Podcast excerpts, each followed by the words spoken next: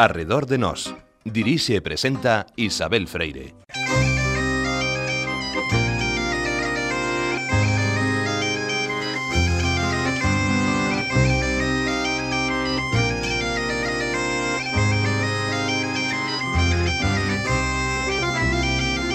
Hoxe, a expedición filantrópica da vacina.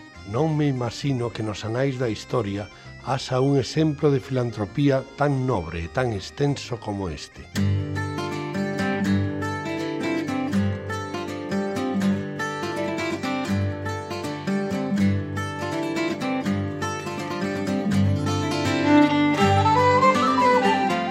Quen así fala é Edward Jenner, o descubridor da vacina da varíola, a propósito da expedición que saiu da Coruña o 30 de novembro de 1803, con destino ás Américas, coa intención non soamente de estender a vacina polo continente entre unha poboación que sucumbía dun xeito alarmante á enfermidade da varíola, senón de crear centros de produción, almacenamento e distribución da vacina para manter campañas de vacinación periódicas. Axiña lles contamos unha historia na que interveñen unha muller e uns nenos procedentes da Casa de Expósitos da Coruña e a Real Expedición Filantrópica da Vacina.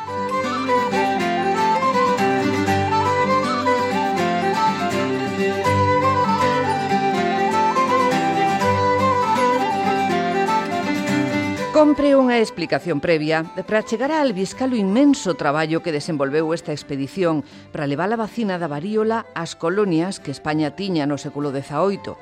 E esa explicación ten que principiar pola enfermidade mesma e a virulencia coa que atacaba e decimaba a poboación.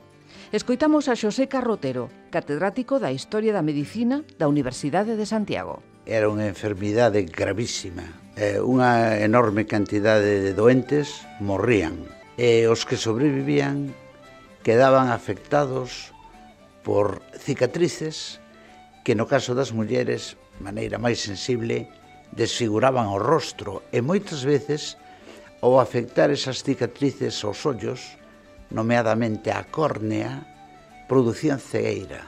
E pódese decir que a mortalidade nos vellos tempos por viruela superaba o 30%, de maneira que o outro 70% era o afectado nunha gran parte polas tais cicatrices.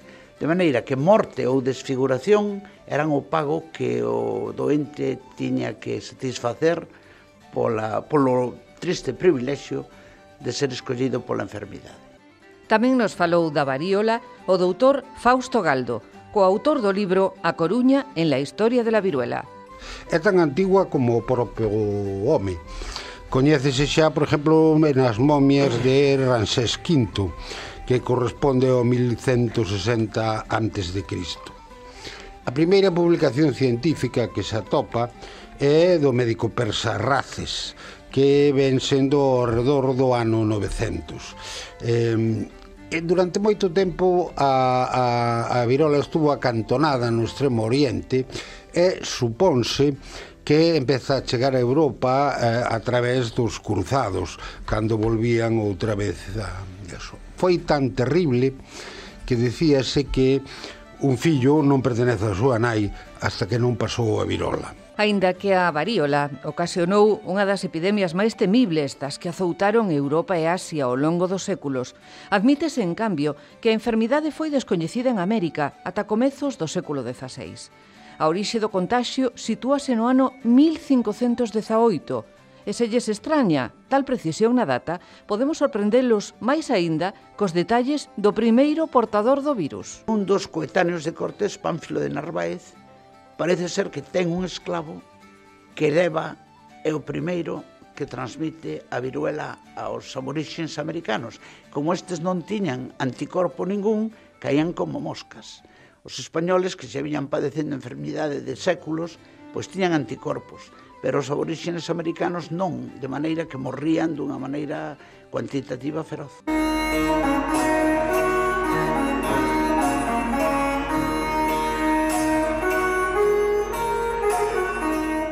En China e na India, no século XI, empregábase un sistema para combater a variola. Era o que se coñecía como variolización, un sistema preventivo para as persoas sas a partir do contacto con virus vivos procedentes das que padecían a enfermidade de maneira leve. O que acontece é que esa, esa prevención da enfermidade polo medio que estamos a falar eh, utilizaba o fluido da viruela humana e a viruela humana moitas veces infectaba e producíalle a enfermidade ao novo receptor do fluido. Por tanto, era unha varioliciación directa de persoa a persoa e esa era perigosa. Entón, estas prácticas de inoculación eh, consistían en facer unhas incisións na pel do, do individuo fan, sano eh, se inoculaba linfopus eh, procedente de vesículas do, do enfermo da virola con, co fin de provocar unha enfermedade atenuada e así quedaban inmunizados. Carlos González Guitián, responsable da Biblioteca do Complexo Hospitalario Universitario da Coruña e coautor do libro A Coruña en la historia de la viruela era a práctica habitual que se extendía. Entón, esta práctica que estaba extendida entre algunhas culturas, en concreto no Imperio Turco, chegan a Europa no, a comenzos do século XVIII a través de Lady Mary Borteley Montagu, que era unha o esposa de un embaixador inglés en Constantinopla, e que ali coñece esta práctica e no, mil, no ano 1718 fai inocular ao seu fillo.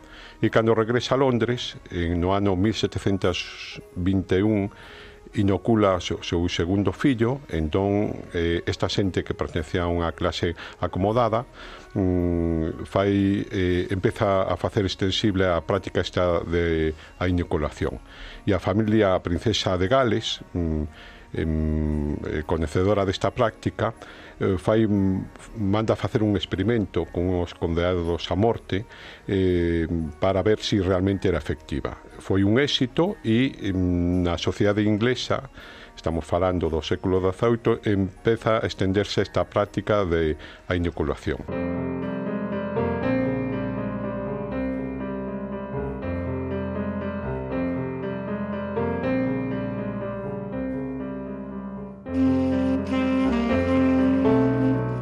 Pero, malia os excelentes resultados obtidos na maioría dos casos, a variolización presentaba riscos porque se empregaban virus vivos que podían chegar a contagiar a enfermidade sen atenuar a persoa inoculada.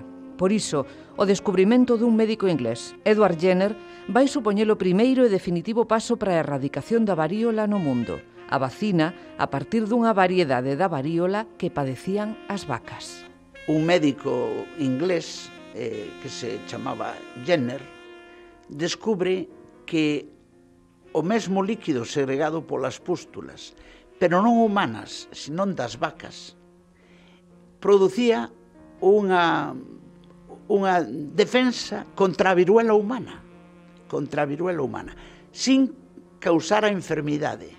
Por tanto, a vacunación vende vaca porque en vez de facer o paso persona a persona do contagio preventivo facíase da vaca ao home, sin risco de que o home enfermase de viruela, pero padecía de alguna forma unha levísima viruela de vaca que protexía o contra a viruela humana.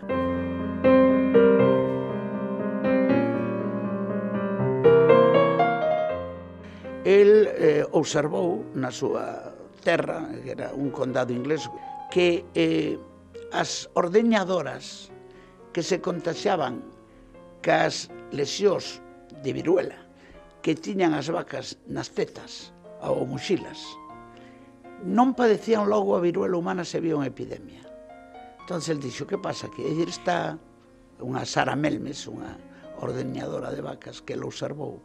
Contaxouse da, eh, da vacuna, da enfermidade que tiñan as vacas. Entón, ela era indemne despois ás accións de epidemia humanas. Entón, el fixo unha experiencia con un rapaz, tomando o líquido das pústulas das vacas, meténdollo e logo sometendo a acción da viruela humana que non colleu. E, por tanto, dixo, bueno, este está defendido ca viruela das vacas da viruela humana. Isto crea, cando o comunica, un choque tremendo dentro da sociedade científica porque non se podía admitir ni tampouco as teimas religiosas o permitían de que un humano padecera unha enfermedad transmitida por animales ou que a enfermedad de os animales fora inmunizando a as personas. Música O descubrimento espállase rapidamente pola Europa da Ilustración, máis propicia as ideas novas en calquera ámbito do coñecemento humano, tal e como reflexiona Susana Ramírez Martín, doutora en Historia de América pola Universidade Complutense de Madrid, cunha tese doutoral sobre a Real Expedición Filantrópica da Vacina. El movimiento de las ideas ilustradas del siglo XVIII es rapidísimo. Gracias a lo que sería el desarrollo y el auge de, los periódicos, de la comunicación. Eh, de esta manera, Jenner comienza sus experimentos en el año 1796. Esos experimentos eh, terminan siendo, él es un médico de pueblo, y esos experimentos terminan siendo publicados en el año 1798. La vacuna comienza a, conocerse en España en periódicos mm, normales, de tirada normal, simplemente periódicos que no son especializados en medicina o en veterinaria, sino en periódicos eh, normales de, formación normal. Hay uno agrícola de, de, Galicia que es el que se centra un poco en, la primera eh, propagación de la idea. En España realizase a primera vacunación mediante o método este de Jenner, o descubridor, en no ano 1801 por parte dun médico catalán, el doutor Piguillén. Foi o primeiro que empezou a, a vacunar aquí en España. Pero eh, tamén atopámonos que no caso de Galicia este descubrimento da, da vacina chega dunha maneira inmediata. E curiosamente por parte dun médico eh, de Betanzos, un médico que traballaba no Hospital de San Antonio que no ano 1792 pasa a ocupar unha plaza de médico titular na cidade da Coruña conoce o descubrimento de Jenner, é dicir, da vacina, a través dunha publicación de divulgación científica daquel momento. Unha publicación que levaba o curioso nome de Seminario de Agricultura e Artes dirigido a los párrocos, eh, que era un seminario eh, moi popular no seu momento que dedicábase a divulgar mm, novos descubrimentos científicos. Esta, este seminario, estamos a falar que era do ano mm, que conoce Pose Roibanes, que era o nome deste médico de Betanzos, é do, do 21 de marzo de 1799. É, dicir, é curioso como unha publicación científica xa nese momento eh, espallaba os novos descubrimentos eh, de, con esta rapidez. Entón, este Pose Ruibanes ponse en contacto con o doutor Piguillén, porque sabía que foi o primeiro a utilizar a vacina en España, e le solicita estas silas de, de a viruela das vacas eh, eh, para eh, empezar a vacunar. E o 16 de agosto de 1801 inicia a, se inicia ou se realiza a primeira vacina realizada en Galicia a, e a, neste caso a vacina mm, a seu neto de cinco meses. Isto era unha práctica moi habitual eh, nestos primeiros momentos que tantos médicos eh, mm, eh, vacinaran a membros da súa familia ou incluso as clases acomodadas para demostrar a todos os sectores populares que non representaba ningún problema, porque sempre despertaba moito temor entonces Pose Ruibanes vaise convertir nun ferviente difusor da vacina en todo Galicia e xa veremos como na ano 1803 é o que recibe moi ilusionado a Xavier Balmís, que é o que dirixe a expedición de a vacina o director da expedición.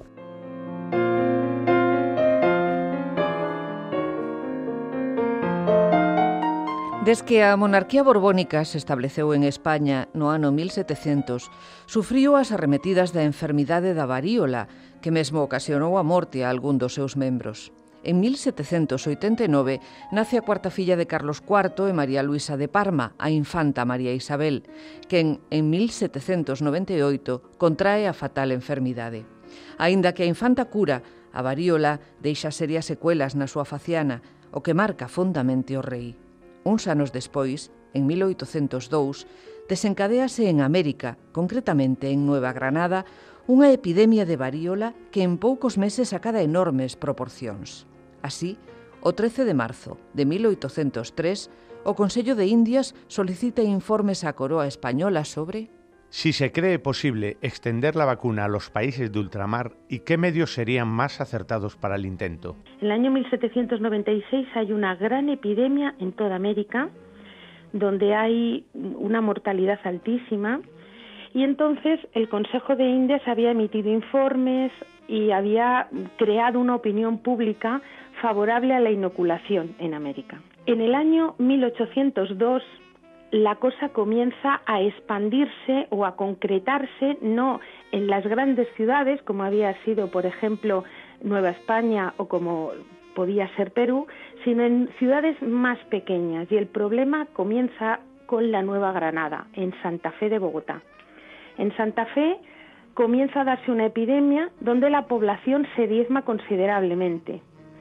Las noticias de esta, de esta epidemia que se desarrolla en 1802, en junio de 1802, llegan al, a la mesa del rey como una consulta eh, con un informe del, del presidente del, de la audiencia en, en la Navidad de 1802. No sabemos si la sensibilidad del monarca por esa época, no sabemos un poco cómo.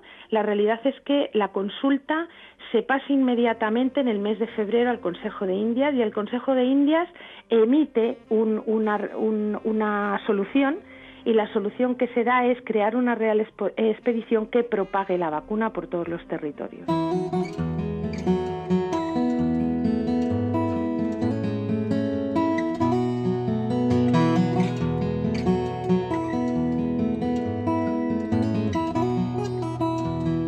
A partir dese momento empezan a buscarse solucións para levar a vacina de Jenner, que estaba proporcionando excelentes resultados na inmunización da poboación aos territorios de ultramar.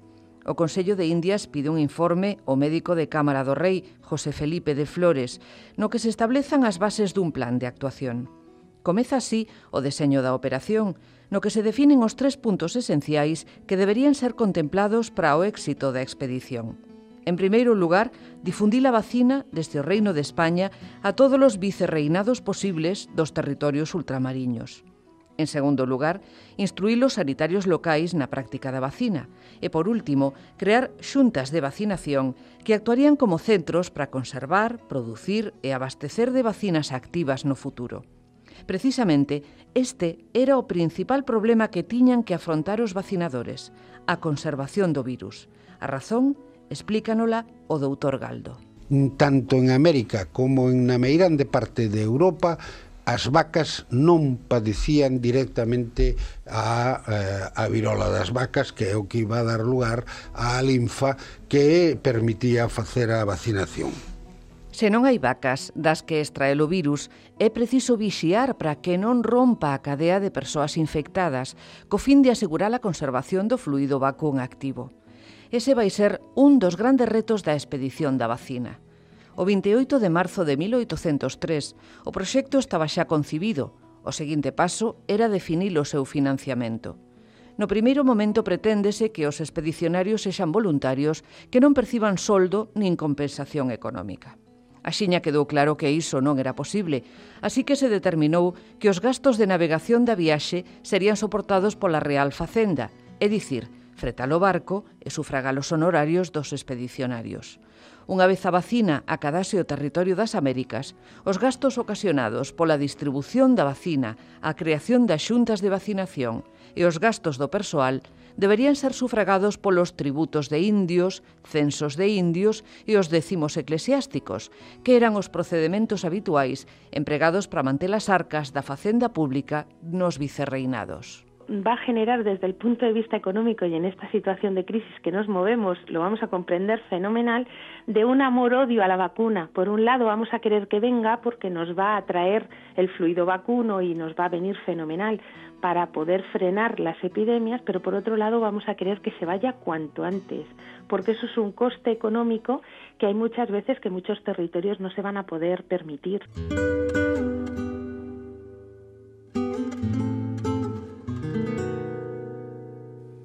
A realidade é que a expedición, ao longo do seu percorrido, sacou os cartos de onde puido, mesmo do peto do propio Balmis, xefe da expedición.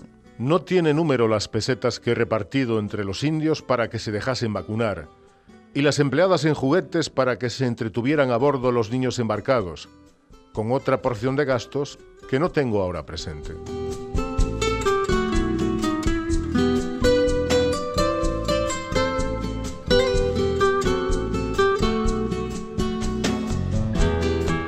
Cando houbo que decidir a dirección da expedición, propuxéronse os nomes de dous médicos, José Felipe Flores, autor do proxecto inicial e membro da Real Cámara, e de Francisco Javier Balmis, por ser un dos que practicaba con maior éxito en Madrid a vacinación. E ademais Javier Balmis é o traductor da primeira obra que se publica eh, en Francia de Moreo de la Sarté sobre el Tratado Histórico de la Práctica de la Vacuna que se publica en Madrid en no ano 1803 e que ademais Xavier Balmis vai levar moitísimos exemplares na expedición para ir montando mm, os centros de vacinación e así poder espallar a vacina. O plan inicial consistía en enviar a Flores a Cartagena de Indias e a Balmis a Veracruz. Pero Balmis puxo un grande empeño en non compartir con ninguén a dirección do proxecto, facendo valer a súa preparación e experiencia nas viaxes a ultramar, como pon de manifesto Susana Ramírez Martín. Yo creo que es por la experiencia, pero eso es una, esa es una visión más mía personal. Balmis era una persona que había trabajado mucho en ultramar. Antes de la expedición había hecho la ruta en varias veces, como cuatro veces, había acompañado a virreyes, había venido con plantas, había hecho expediciones en el sentido, en el sentido funcionarial de la palabra. Flores era un médico muy mmm, valioso pero había estado en Guatemala. Guatemala no es un territorio, por decirlo de alguna manera, prioritario en esos momentos y entonces eh, se le considera como que tiene poca visión o poco conocimiento, poco eh, experiencia vivida. Balmis estivera en América nos antes, primeiro como ciruxián do exército e en 1788 percorrendo México para estudiar as propiedades curativas de plantas autóctonas. Unha delas, a Begonia Balmisiana, leva o seu nome. O grupo está formado polo propio Balmis como director da expedición e tres médicos axudantes. José Salvani, que será despois nomeado subdirector e do que lles falaremos máis adiante, Manuel Julián Grajales e Antonio Gutiérrez Robredo. Como practicantes, Francisco Pastor Balmis e Rafael Lorenzo Pérez, e como enfermeiros, Basilio Bolaños, Pedro Ortega e Antonio Pastor. Pero ademais do equipo técnico, a expedición debía contar con nenos de idades comprendidas entre os 8 e os 10 anos. En el siglo XVIII, yo lo digo siempre, no había neveras. Entonces, los niños funcionan como las grandes reservas del fluido. De tal modo que nosotros lo que hacemos cuando salimos de Madrid es inocular la vacuna a un niño en un brazo. Cuando ese niño ya ha desarrollado la vacuna, ya ha desarrollado lo que sería el, el, fluido dentro de él, el granito vacuno, lo que hacemos es vacunar a otro. Esa temporalidad generalmente son de 9 a 12 días. Entonces, por eso Balmis lo que hace es eh, controlar, planificar esa campaña.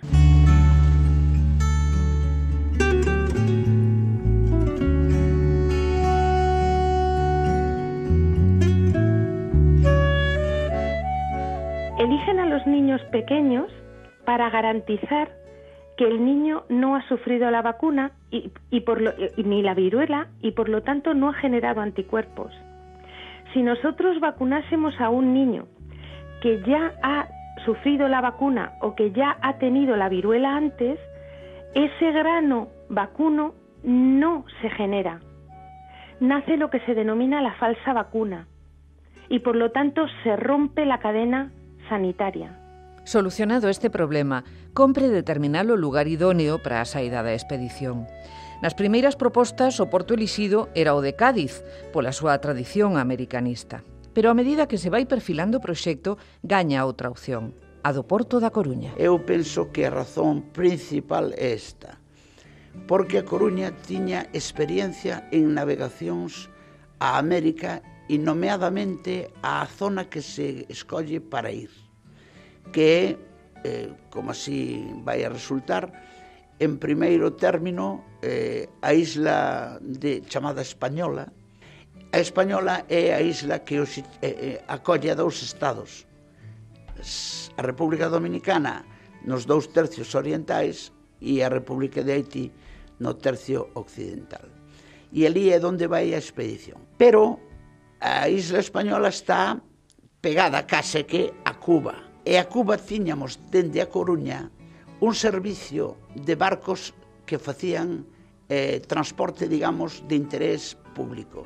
Eran os barcos dos correos. Había un barco mensual que facía o traxecto Coruña-Cuba e desde ali desviábase o que a carga e o correo que se levaba, órdenes eh, oficiais, etc., para os outros territorios. Ya tenían la experiencia de un médico que había salido del puerto de Cádiz, que era el doctor Verges, que había perdido la fuerza, el fluido por el camino como consecuencia del calor.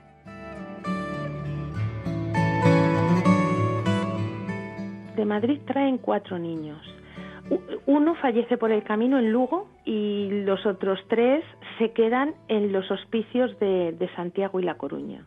Hospicio da Coruña comeza a funcionar a finales do século XVIII, case que na altura da, da, da expedición. Levaba pouco, pouco tempo funcionando e era pequeno. Mentras que o hospital era un, o, o, o máis importante que había en Galicia.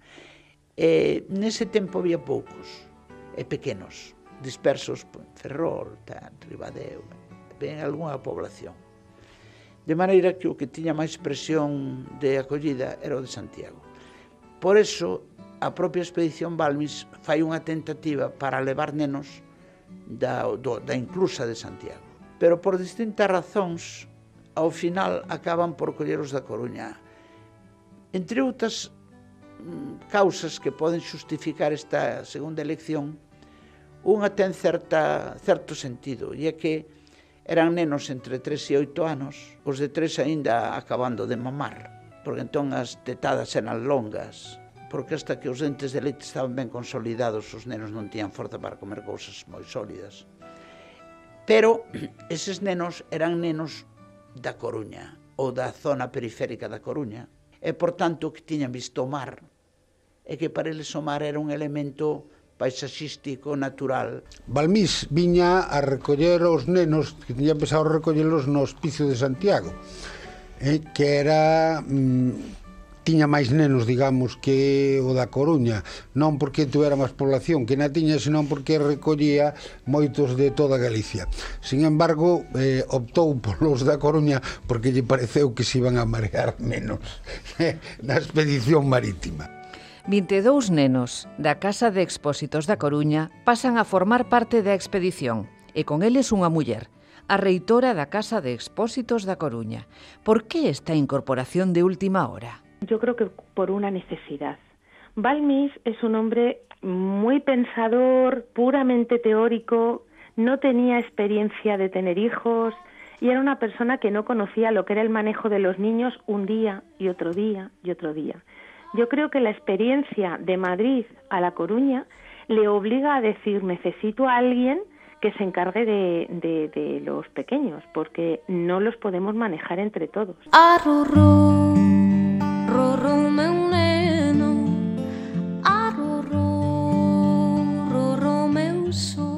A esos niños había que tenerlos entretenidos, los había que cantar, los había que intentar cuidar cuando estaban malitos.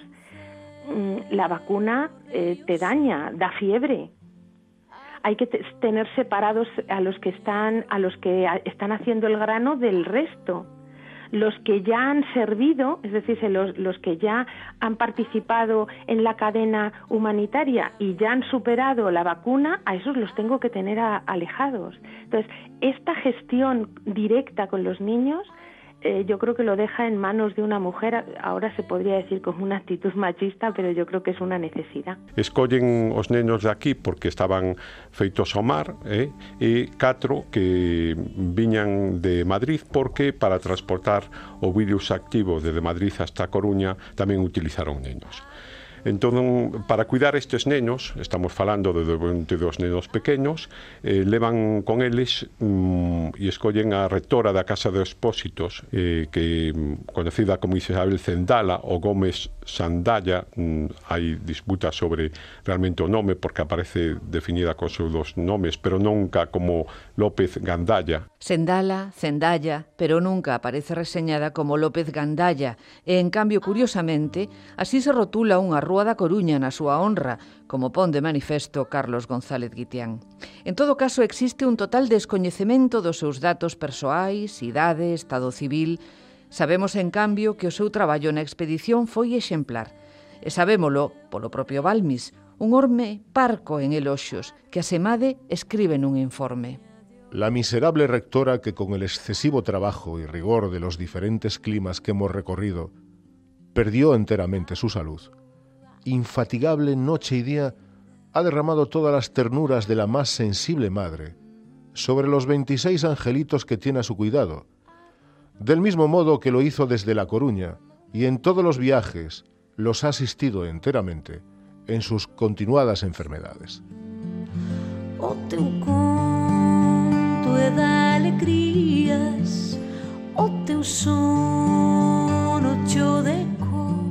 ella nunca es protagonista.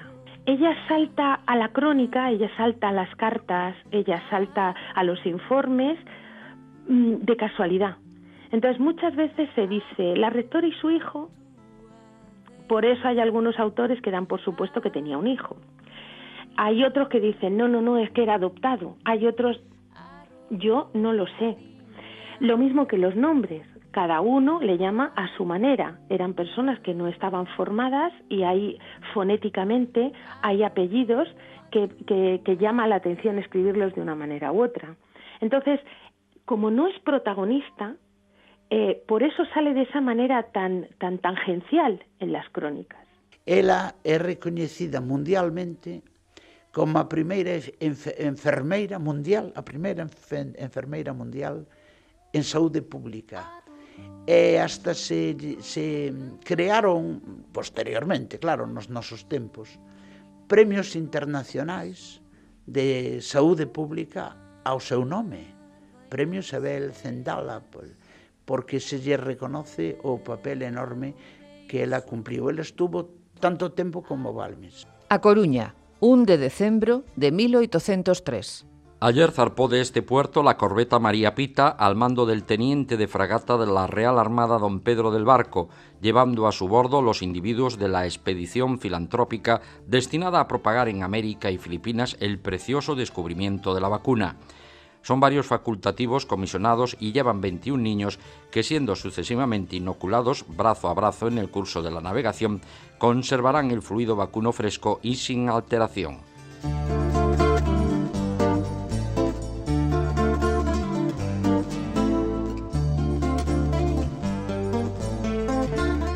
Dez días despois de partir do Porto da Coruña, arriban a Santa Cruz de Tenerife. Como un mes van a estar en, las Canarias y siempre van a estar en Tenerife. Luego después hay barcos que llevan desde Tenerife a cada una de las islas la vacuna.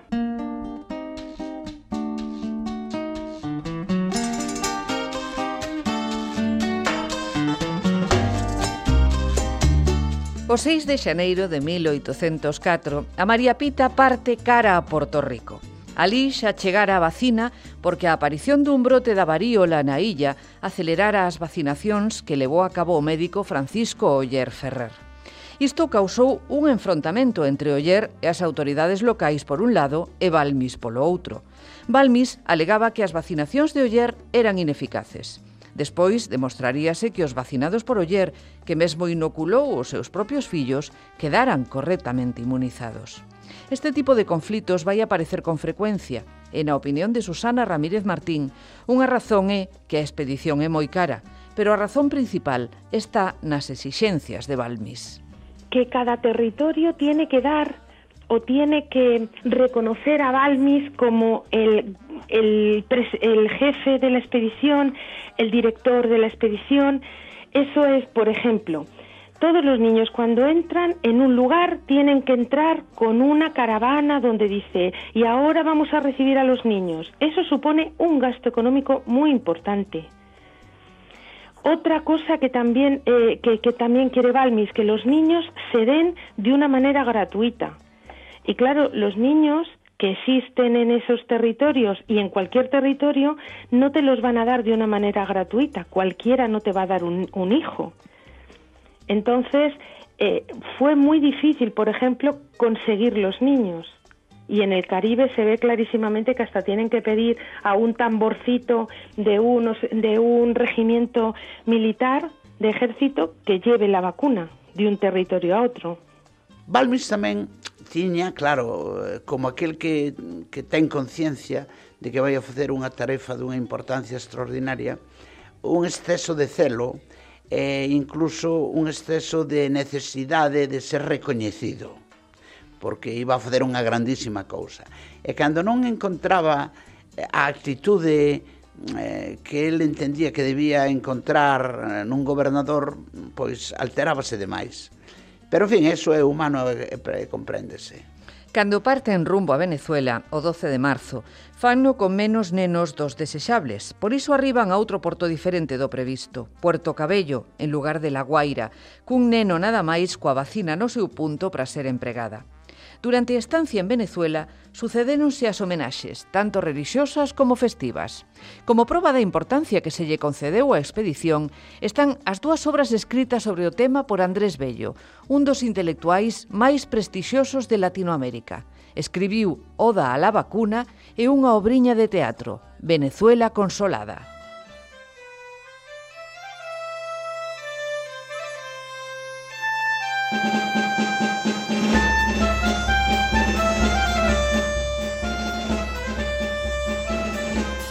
Tus lágrimas enjuga, Venezuela.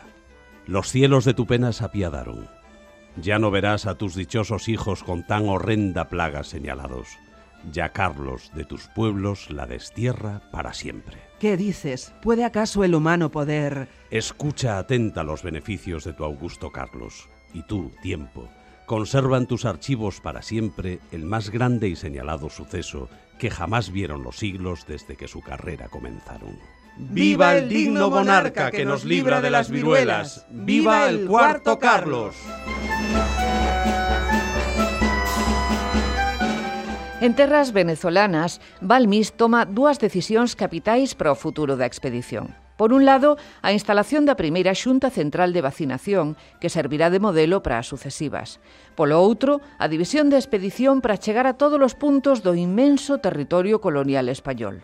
Por iso, o subdirector Salvani, o axudante Grajales, o practicante Rafael Lozano e o enfermeiro Basilio Bolaños, con catro nenos, embarcan en La Guaira rumbo a Cartagena. Las noticias de Nueva Granada son tan, son tan, tan duras, tan crueles, que eh, obliga a Balmis a dividir la, la, expedición en dos partes, no muy igualitaria, pondera más la parte de la Nueva España y, y lo que hace es llevar una ruta eh, montados en la María Pita rumbo a, a, a, Cuba y otro grupo montados en un barco de la Armada rumbo a las bocas del Magdalena, porque lo que pretenden es subir la boca del Magda eh, o sea, el río Magdalena por barco hasta Santa Fe. A viaxe de Balmis cara a La Habana é espantosa.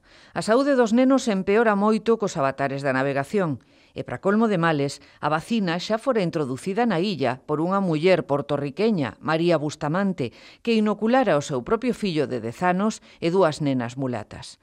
O doutor Abaneiro, Tomás Romai extraera a linfa delas e vacinara xa os seus cinco fillos e despois a outros 35. Balmis coopera con el. Claro.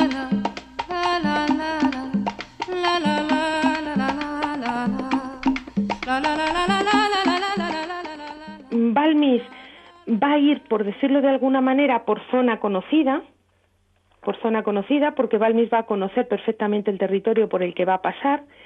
En cambio, Salvani no conoce América y además Salvani tiene un, un incidente o un problema añadido y es que tiene una salud horrible.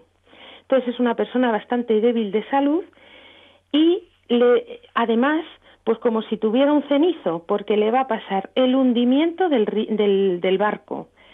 Eh, le cogen las pirañas la ropa, le, ropa, le roban en Quito, eh, va a tener el mal de altura, pierde un ojo, o sea, es, una persona, por decirlo de alguna manera, que llama a la catástrofe. Tiña que facer desde norte, Venezuela, logo Colombia, Ecuador, Perú, Bolivia, Chile, Argentina, Paraguai, Uruguai.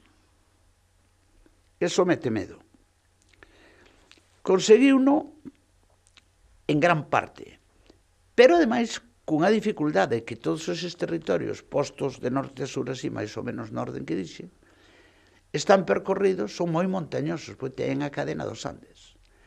Por tanto, pasou unas canutísimas, porque andar polos Andes, ademais da dificultade orográfica para unha expedición que se fai a pé, con mulos que levaban as, a impedimenta, supuña baixas temperaturas, etc., etc., relativos problemas de provisionamento e o peor de todo, o mal de altura. Na, na.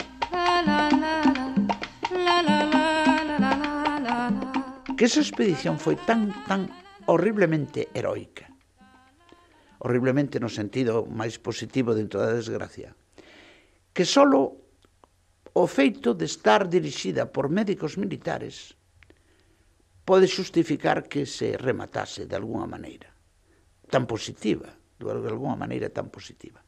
Porque un médico civil sin a disciplina e o sentido de obediencia dos militares tería abandonado, marchado e desaparecido. Non tempo que, por outra parte, era tan fácil desaparecer, non había correo, telégrafo, teléfono, fotos.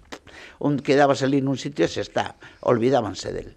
Pues por ejemplo Salvani que se encuentra bastante bastante mal de salud en Lima e intenta reclamar un puesto de oidor, uno dice, pero bueno, mm, es que es imposible y dice todo lo que ha hecho eh, cuando cuentan las cosas por dónde pasan, pues exactamente igual.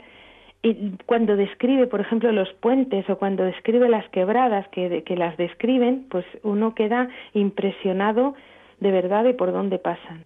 Y luego con niños pequeños, que esa parte tampoco la tenemos que olvidar, y niños pequeños enfermos.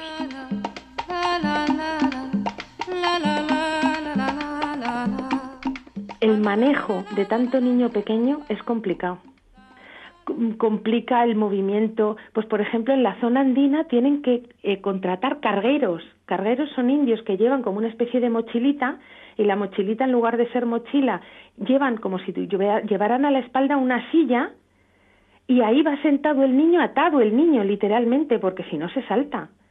Entonces, cuando tú ves los dibujos de, de cargueros, por ejemplo, te imaginas a 15 y luego eh, reclutar los niños también era difícil. Y luego, por ejemplo, Salvani ha contado varias anécdotas. Por ejemplo, al salir de Trujillo, en lugar de salir de Trujillo alegremente y dándole las gracias, hay muchísimas gracias por habernos traído esto, pues lo que hacen es ir detrás de ellos a palos y a piedras y les llamándoles el, los, anti, los anticristos. E recorre, que hasta 1810, porque morre. Salvani, Salvani é unha víctima de expedición. Morre en Cochabamba, é unha localidade de Bolivia, é enterrado ali no, no cemiterio da Iglesia de San Francisco de Cochabamba.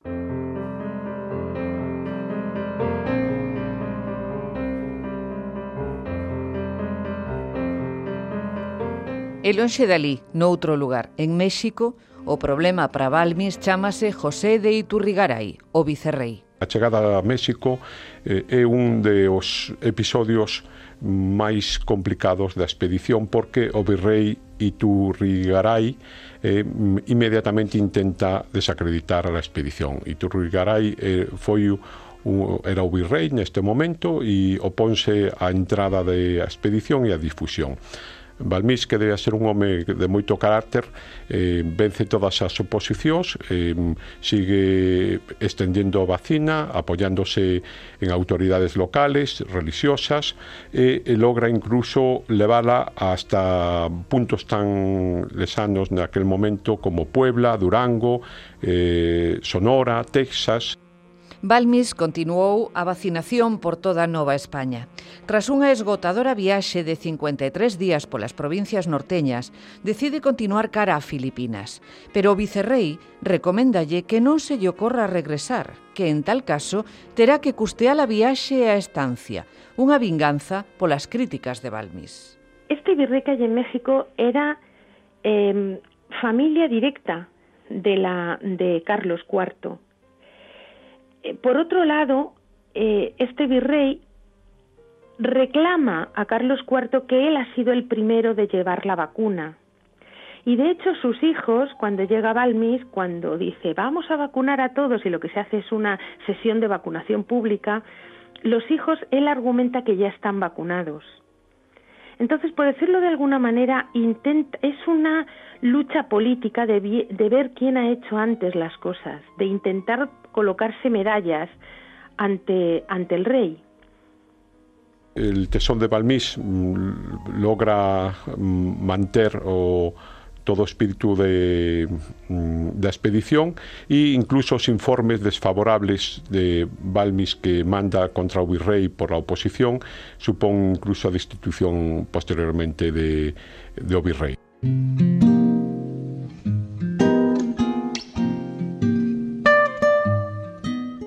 La ruta para ir a Filipinas es una ruta comercial, no es una ruta eh, de ejército.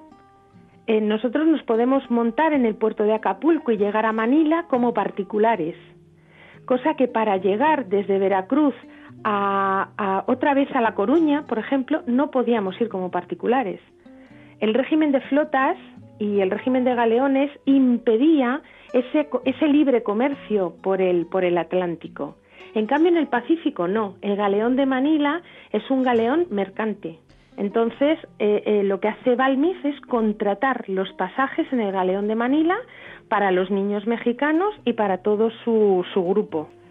No traxecto houbo problemas co capitán Ángel Crespo, porque ademais de cobrarlle o dobre, asignoulle os peores acomodos cos 26 nenos dormindo no chan da Santa Bárbara. Isto supoñía un perigo para a vacinación, porque co vaivén do barco os nenos podían tocarse por accidente e contaxiarse, así que cumpría vixialos día e noite e aínda así apenas poideron conter o contaxio. Nesa expedición van a rectora da Casa de Expósitos da Coruña, Isabel Zendala, eh, cinco rapaces de a primeira expedición, 26 nenos mexicanos procedentes de diversos eh, de diversas vilas e algúns nativos que algúns indios que foran mercados, claramente comprados como se foran esclavos para facer esta expedición e despois de, moi, de moitas dificultades chegan a Filipinas donde vacunan a 9.000 personas. E chegados a este punto preguntámonos, cal foi o destino definitivo dos nenos da Coruña? Los niños que procedían de Galicia se radican en el, en el hospicio de la Ciudad de México. O sea, lo que hacen es pasar de hospicio a hospicio. No, no hay un tratamiento, no hay un tratamiento de vuelta o de arraigo al territorio, eso no. Pero Balmis está enfermo, así que solicita ao gobernador Aguilar que lle permita marchar a Macao ou Cantón, desde onde retornaría a España a primeira oportunidade. Balmis lo que hace es utilizar, entre comillas, la enfermedad para volver cuanto antes. O sea, les, él lo que bajo ningún concepto quiere es volver a México por el enfrentamiento directo con el virrey.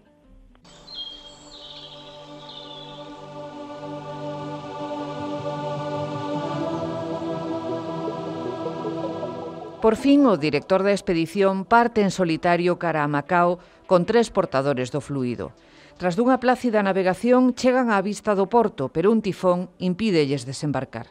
Cinco días permanecen no barco, que está a piques de naufragar. Finalmente, Balmis toca terra nunha canoa cos nenos en brazos para salvar as súas vidas e a vacina que transportan no seu corpo. Na colonia portuguesa dedícase a establecer a vacinación e mesmo viaxa a terras chinesas, a Cantón.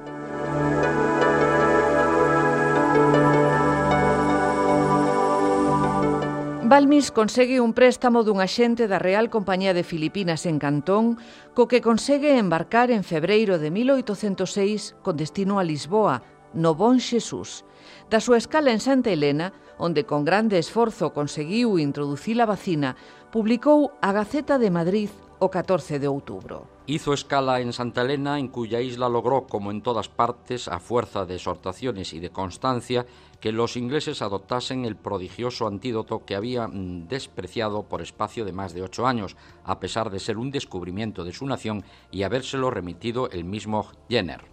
Efectivamente, o propio gobernador da illa deulle a Balmis un paquete que levaba varios anos en abrir, coa vacina e instruccións manuscritas do propio Jenner.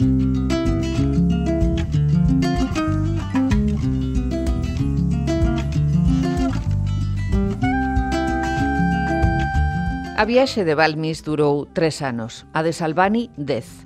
Remata así a primeira expedición humanitaria da historia, unha tarefa inxente que, a semade, pon os cimentos da erradicación definitiva da varíola no mundo.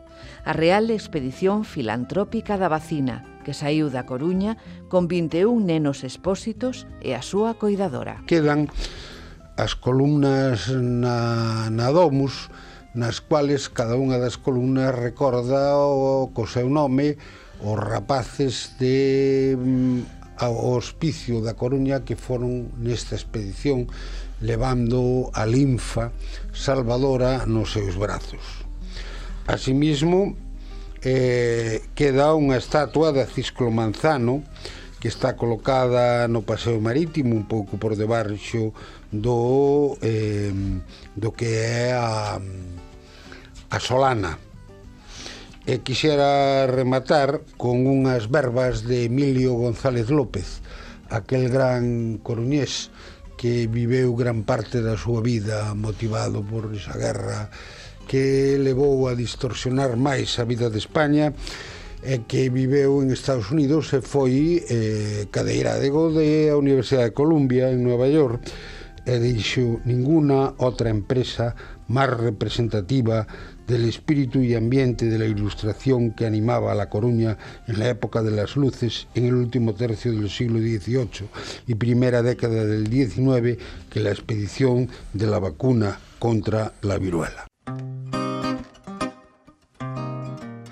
E así, coa voz do doutor Fausto Galdo, rematamos este programa que queremos adicar a súa memoria. O doutor Galdo faleceu ao pouco tempo de ter intervido nel.